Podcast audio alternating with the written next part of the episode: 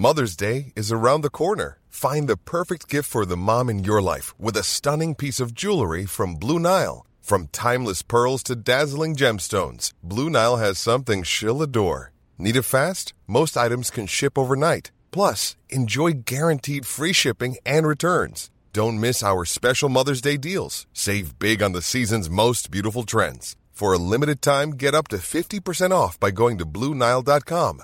That's Bluenile.com. Hey, I'm Ryan Reynolds. At Mint Mobile, we like to do the opposite of what Big Wireless does. They charge you a lot, we charge you a little. So naturally, when they announced they'd be raising their prices due to inflation, we decided to deflate our prices due to not hating you. That's right. We're cutting the price of Mint Unlimited from $30 a month to just $15 a month. Give it a try at mintmobile.com slash switch. $45 upfront for three months plus taxes and fees. Promo for new customers for limited time. Unlimited more than 40 gigabytes per month. Slows. Full terms at mintmobile.com. Burrow's furniture is built for the way you live. From ensuring easy assembly and disassembly to honoring highly requested new colors for their award-winning seating, they always have their customers in mind. Their modular seating is made out of durable materials to last and grow with you.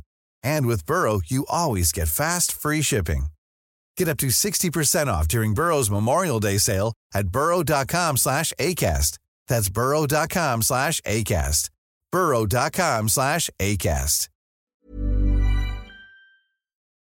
Det är mitt på dagen en måndag i Karibien och det ser ut som att det kommer att bli en vecka som vilken annan för besättningen ombord på oljetankern Gulf Lion. En av besättningsmedlemmarna tittar ut över det lugna havet och ser en man i en jolle vinka desperat. Han ropar till dem och säger Mitt namn är Julian Harvey. Jag är kapten på Ketchum Bluebell. Jag har en död bebis här. Jag tror att hennes namn är Terry Joe Duperalt. Hej och varmt välkommen till Sanna berättelser. Mitt namn är Sandy och dagens fall är verkligen speciellt. Det är en berättelse främst om en liten flickas mod och hennes otroliga kamp för överlevnad. Om jag hade varit i hennes situation är jag nästan säker på att jag inte skulle överleva. Inte bara på grund av min irrationella rädsla för havet, utan också eftersom det faktiskt är ett mirakel att hon överlevde. Jag hoppas du gillar veckans avsnitt. Nu kör vi!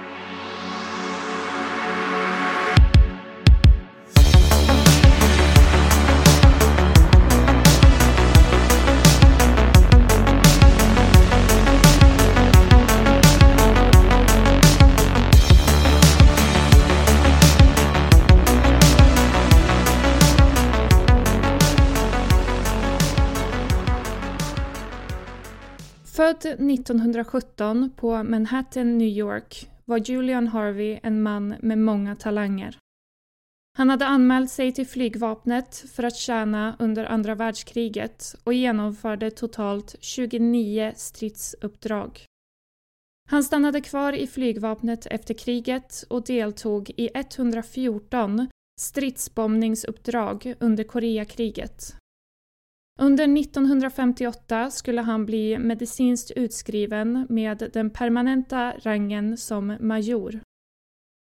Innan allt detta så hade han dock arbetat som modell för John Roberts Powers Agency, så som du kan föreställa dig, som både pilot och modell så var han ganska populär bland kvinnor och skulle gifta sig totalt sex gånger.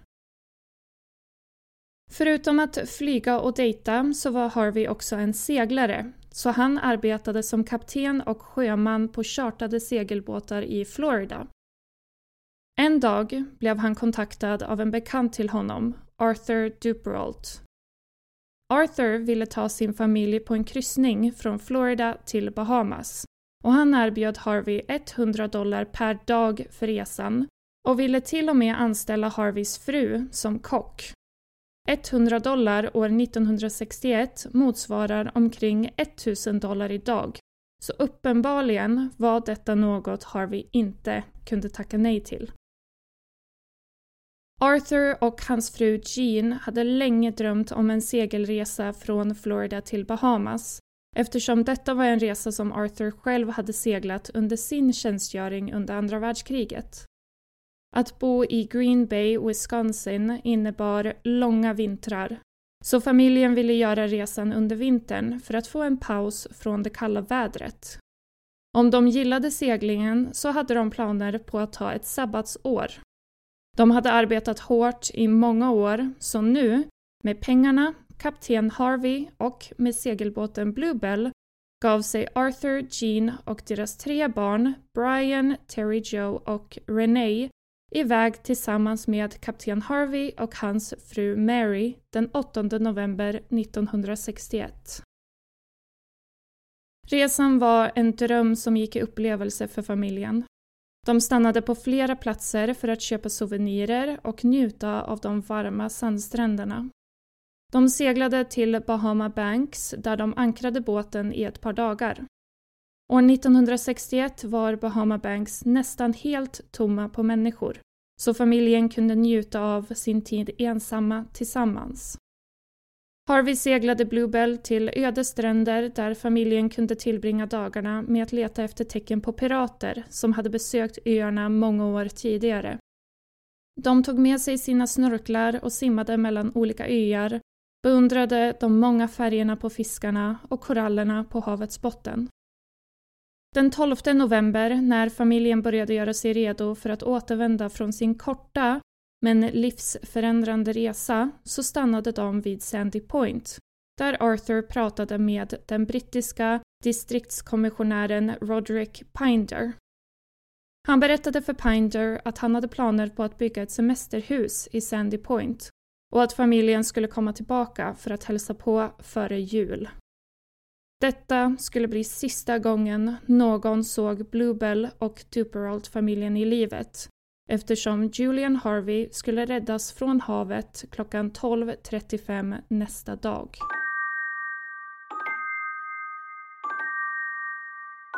När Harvey räddades av besättningen på oljetankern Gulf Lion så presenterade han sig som Julian Harvey och den enda överlevande från Catchen Bluebell. Barnet han hade med sig skulle han senare avslöja som Renee och inte Terry Joe som han hade förväxlat Renee med. Han berättade för Golf Lion-besättningen att en tragedi hade inträffat natten den 12 november när en plötslig vindkraft hade brutit av den stora masten som sedan hade rasat genom fartyget.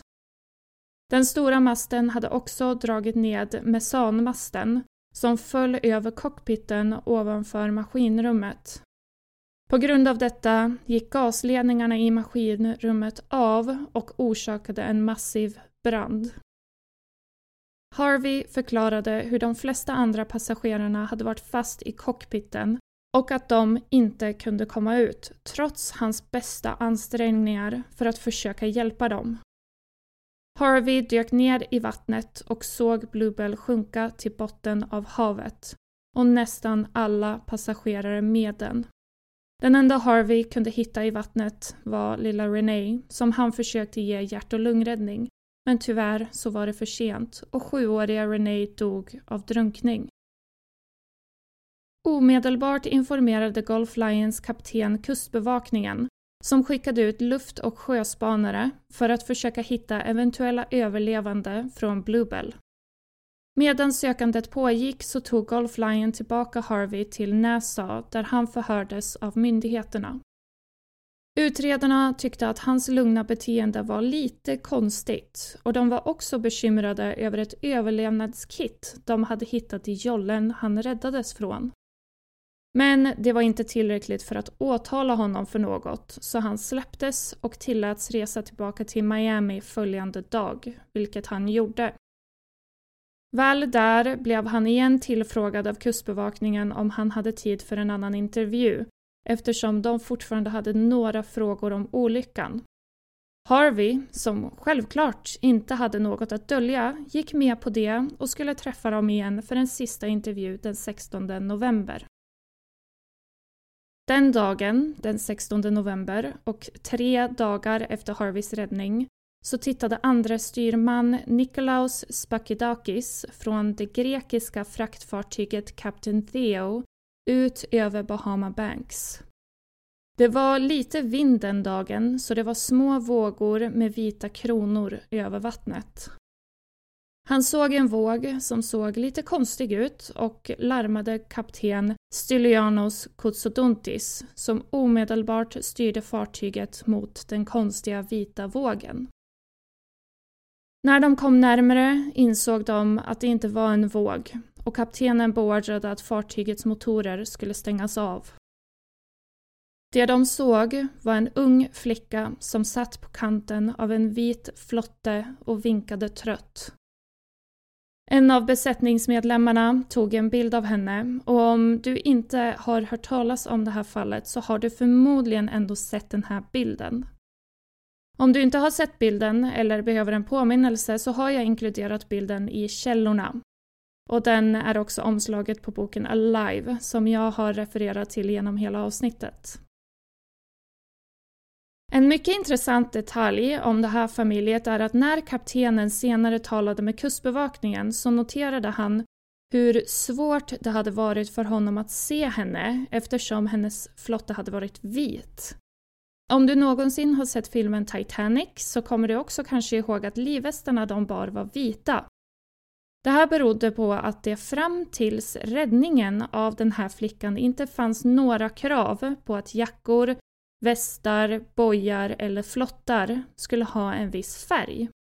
Detta ändrades efter kaptenens observation och sedan 1962, alltså året efter räddningen, så är orange obligatorisk färg för alla räddningsföremål till sjöss.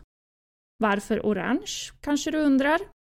Jo, eftersom det är motsatsen till blått och därmed den lättaste färgen att upptäcka på havet. Är inte det så intressant? Det är en av de här sakerna som du inte ens tänker på förrän du lär dig varför. Jag tyckte det var intressant i alla fall, men åter till avsnittet. När kaptenen fick upp den unga flickan ur vattnet så försökte han desperat få den svårt solbrända och uttorkade flickan att tala. När han frågade vad som hade hänt henne och om det fanns några familjemedlemmar de kunde försöka kontakta så skakade flickan trött på huvudet, lyfte armen och pekade ner mot havet.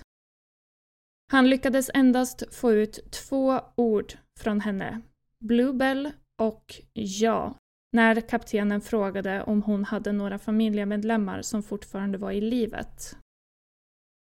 Slutligen lyckades hon viska svagt och berätta för kaptenen att hennes namn var Terry Joe Duperolt.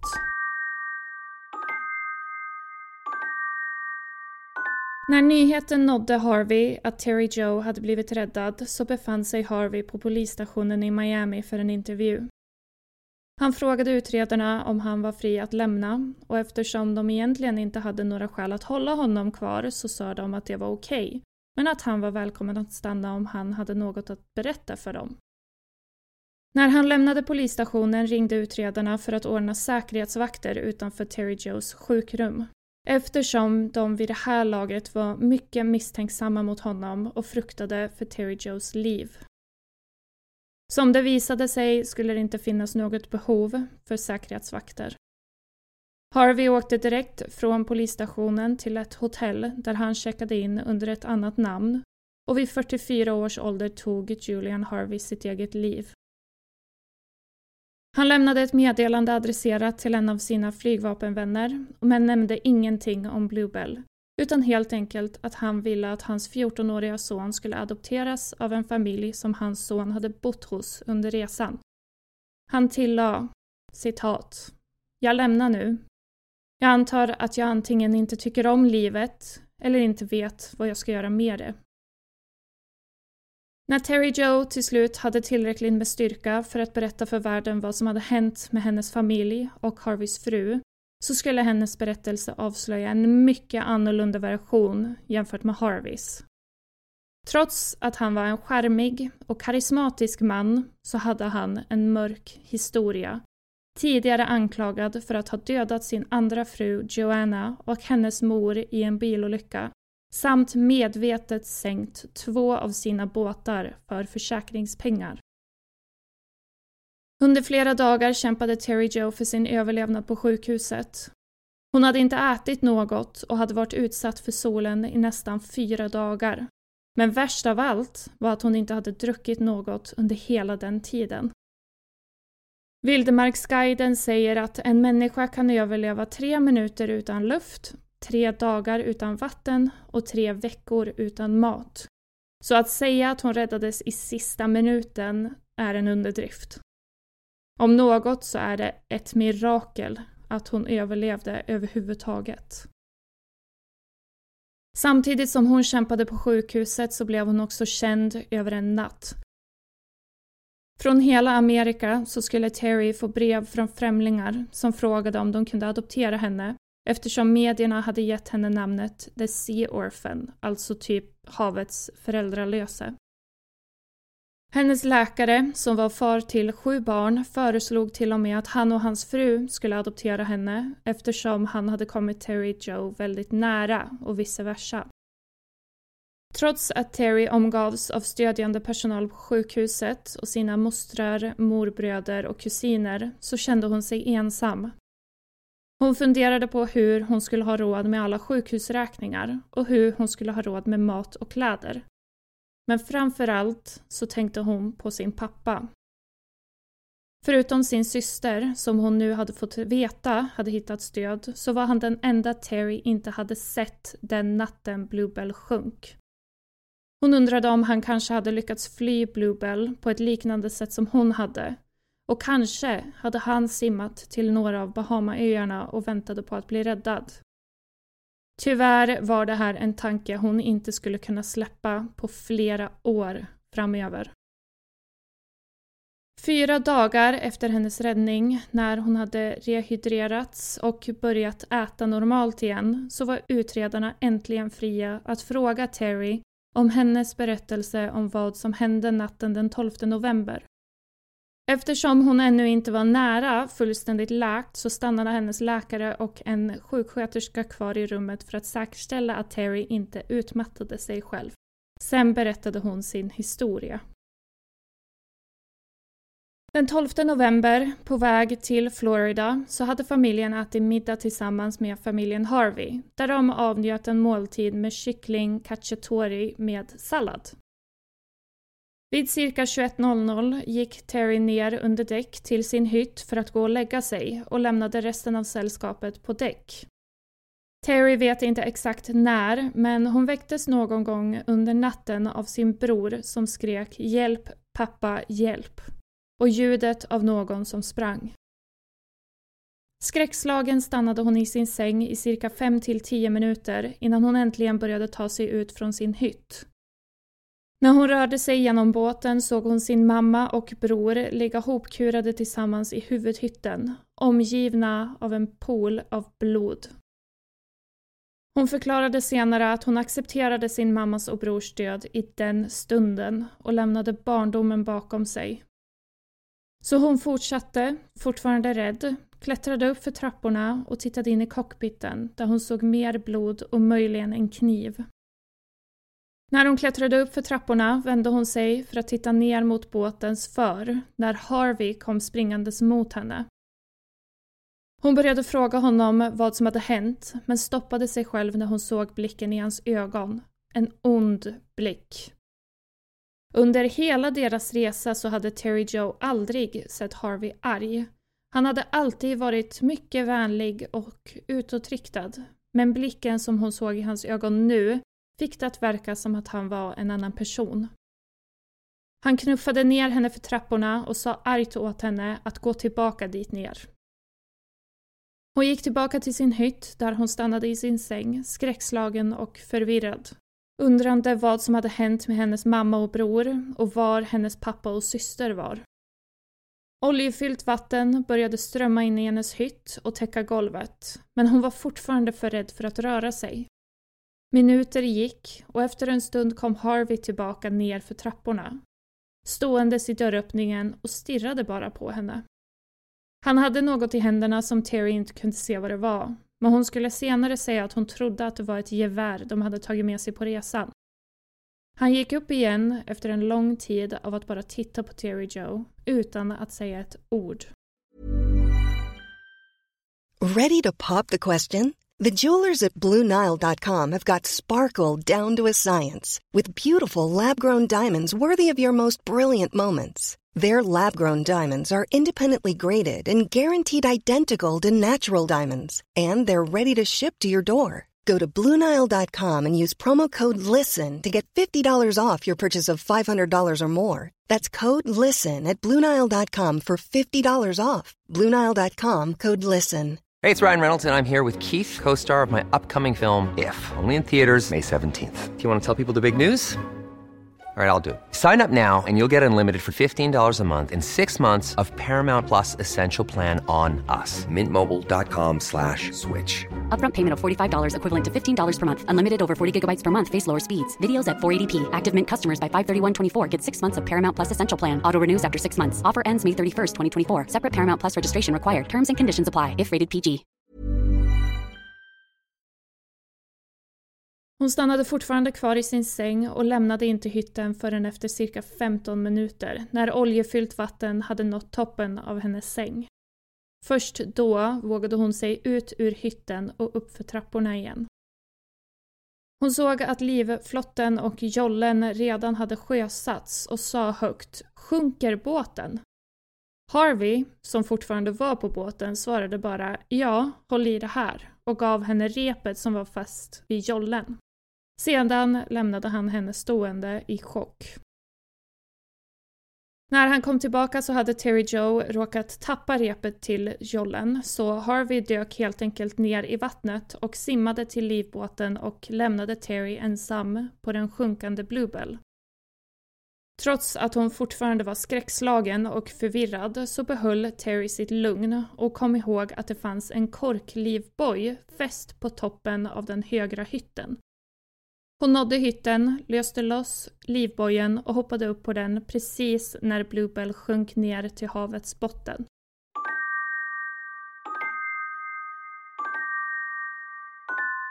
Som du kanske har märkt så berättar Terry Joe en annan historia om sjunkningen än vad Harvey gör.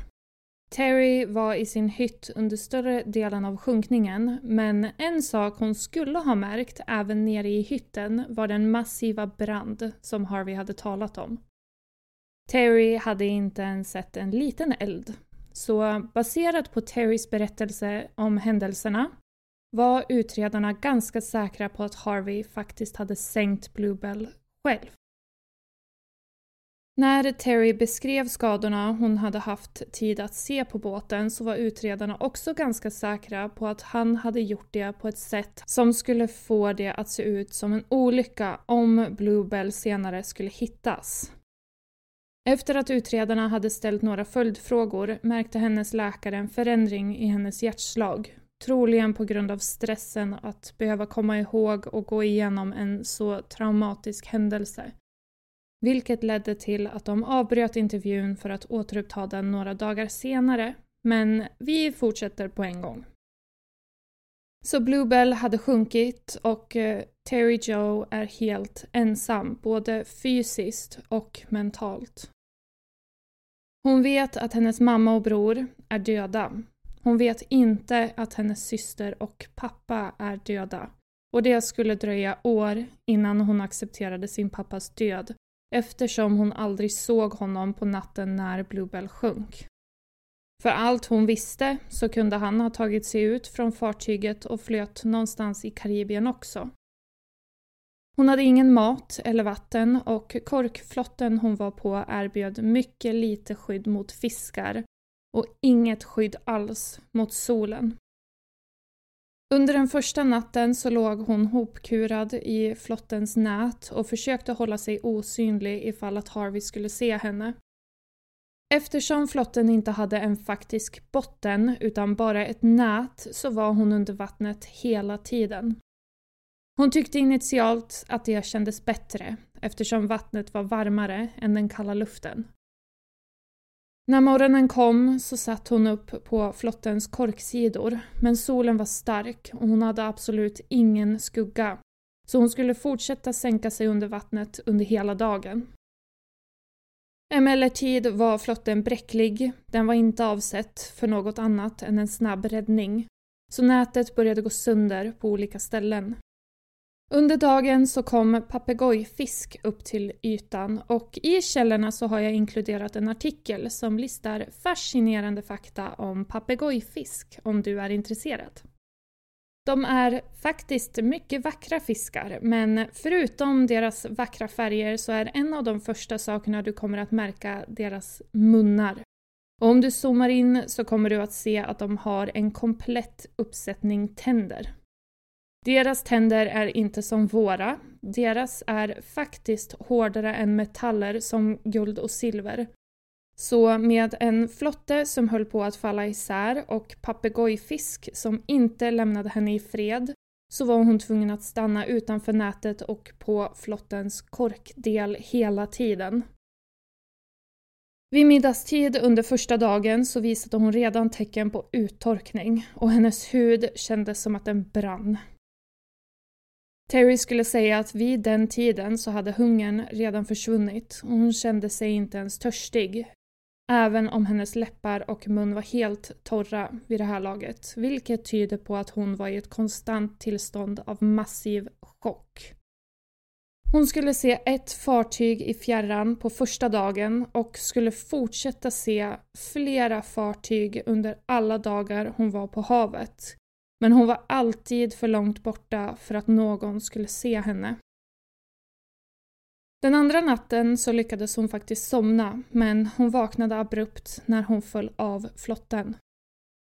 När hon drog sig upp på flotten igen såg hon faktiskt ljuset från en fyr och hon skulle senare säga att hon trodde sig höra vågornas krasch mot klipporna.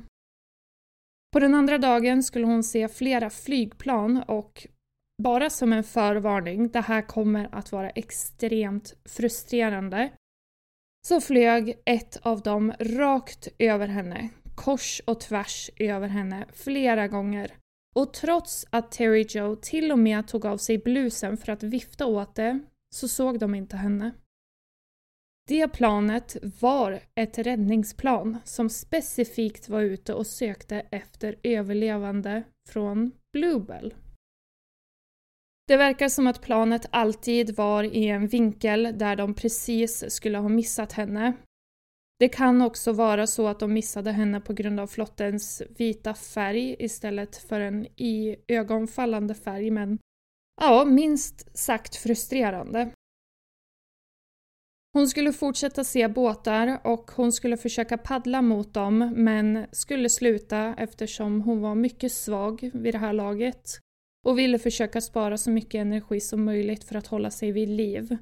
Och hon ville inte dra uppmärksamhet till sig själv från andra djur större än papegojfisk.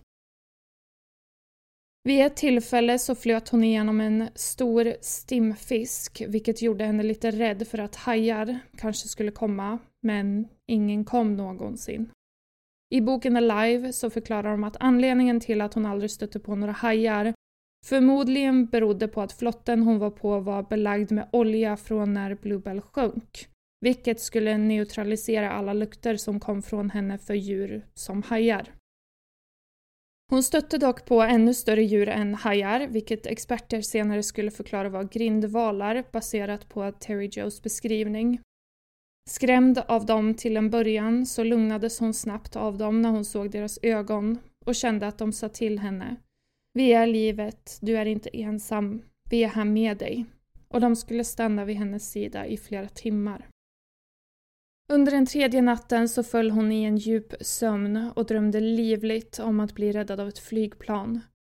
Och även om hon aldrig hade varit inne i ett flygplan så visade sig drömmarna hon hade om insidan av en flygplanscockpit vara extremt exakta. När hon vaknade så gjorde hela hennes kropp ont. Hennes läppar var svullna, hennes mun så torr som den kunde vara. Hennes kropp brann kraftigt och hennes mage var bortom hunger. Hon var också helt delirisk, såg öar omkring sig och föreställde sig att hon låg i sin mammas famn. Hon skulle troligen ha dött den här dagen om hennes vilja att leva inte hade varit så stark. Så under natten drömde hon igen om sin pappa. Föreställde sig att hon landade med ett flygplan på en ö där hon skulle rädda honom. Vid det här laget stängde hennes kropp ner. Hennes blod förtjockades av uttorkning vilket fick det att kännas som att hennes kropp verkligen brann och hennes ben krampade från att försöka sitta på sidan av flotten. På den fjärde natten var hennes kropp på väg att dö. Hon sov inte riktigt men höll på att driva in och ut ur en koma. Hennes njurar hade slutat fungera och eftersom hon var så uttorkad så fortsatte hennes kropp att skicka de vätskor hon hade kvar till hennes vitala organ och ingenting till hennes hjärna. Hon vaknade nästa dag av en stor skugga och även om hon inte kunde urskilja exakt vad det var så såg hon små figurer vinka åt henne. Så hon lyfte sin kropp med den mycket lilla styrka hon hade kvar, vinkade tillbaka och började paddla mot dem. Hon var räddad.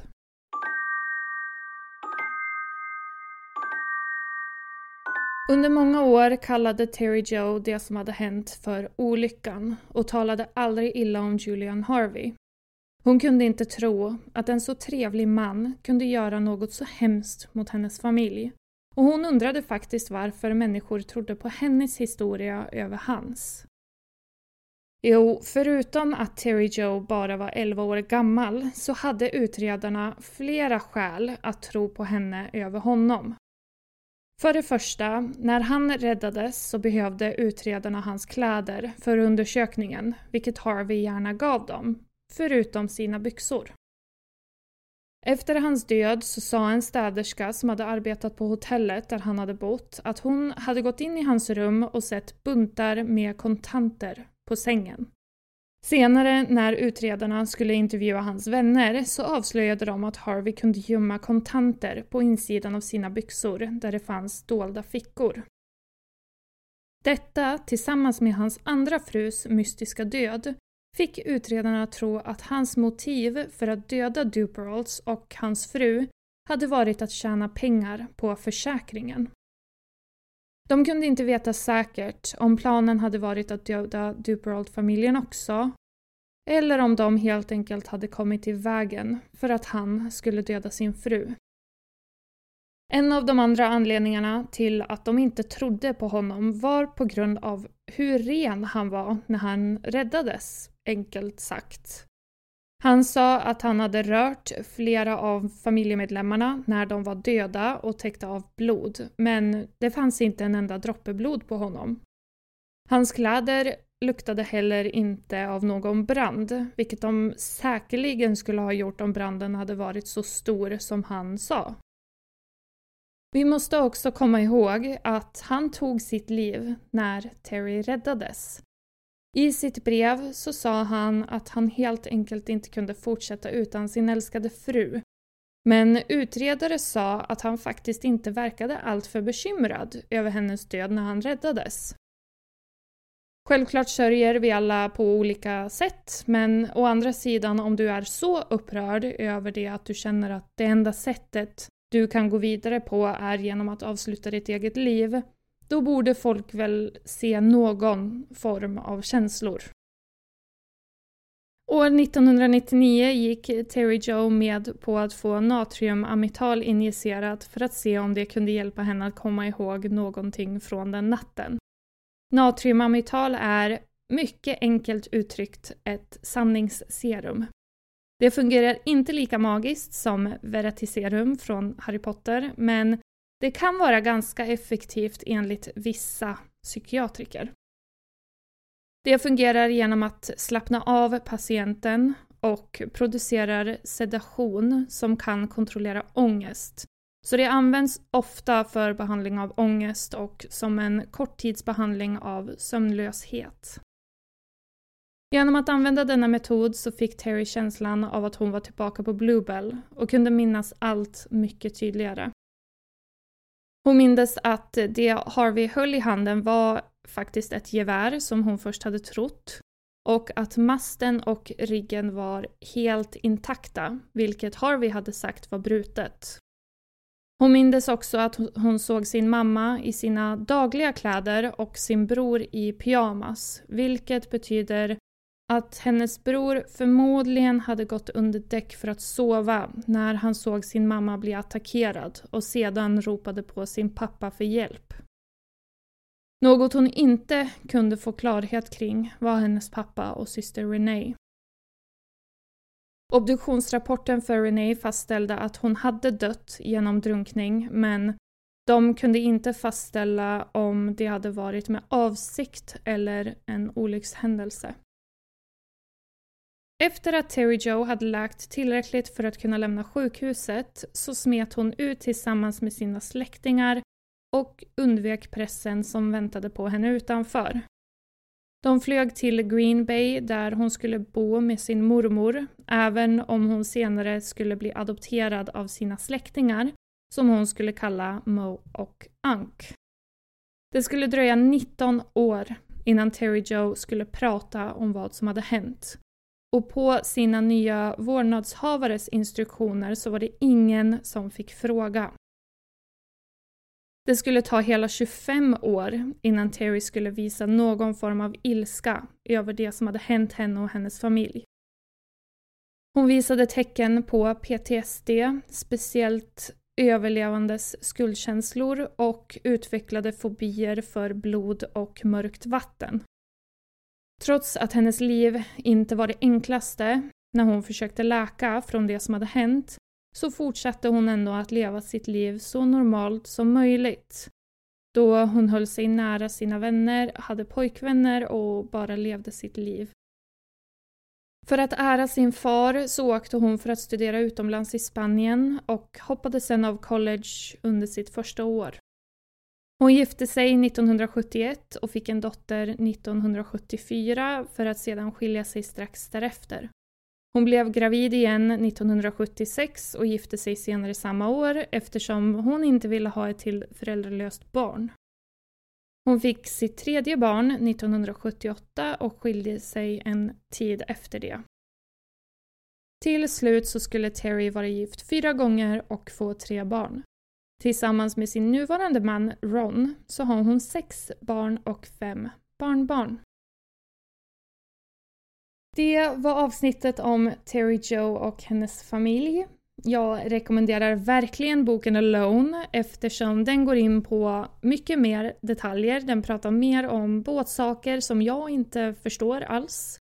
Och mer om varför Harvey sannolikt gjorde det med flit. Mer om Renee och mer om Terrys dagar på havet. Samt en annan teori om vad som kan ha hänt.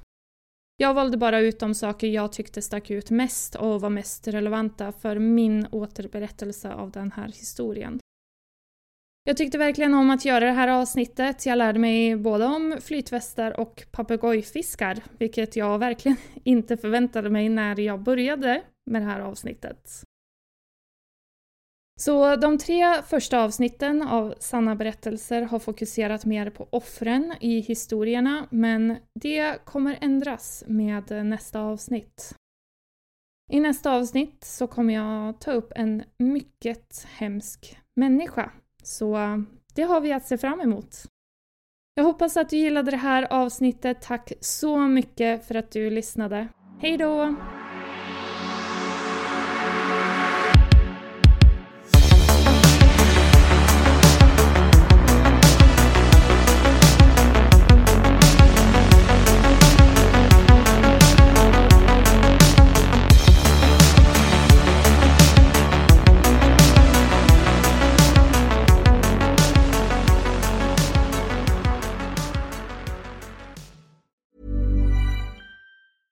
Even when we're on a budget, we still deserve nice things.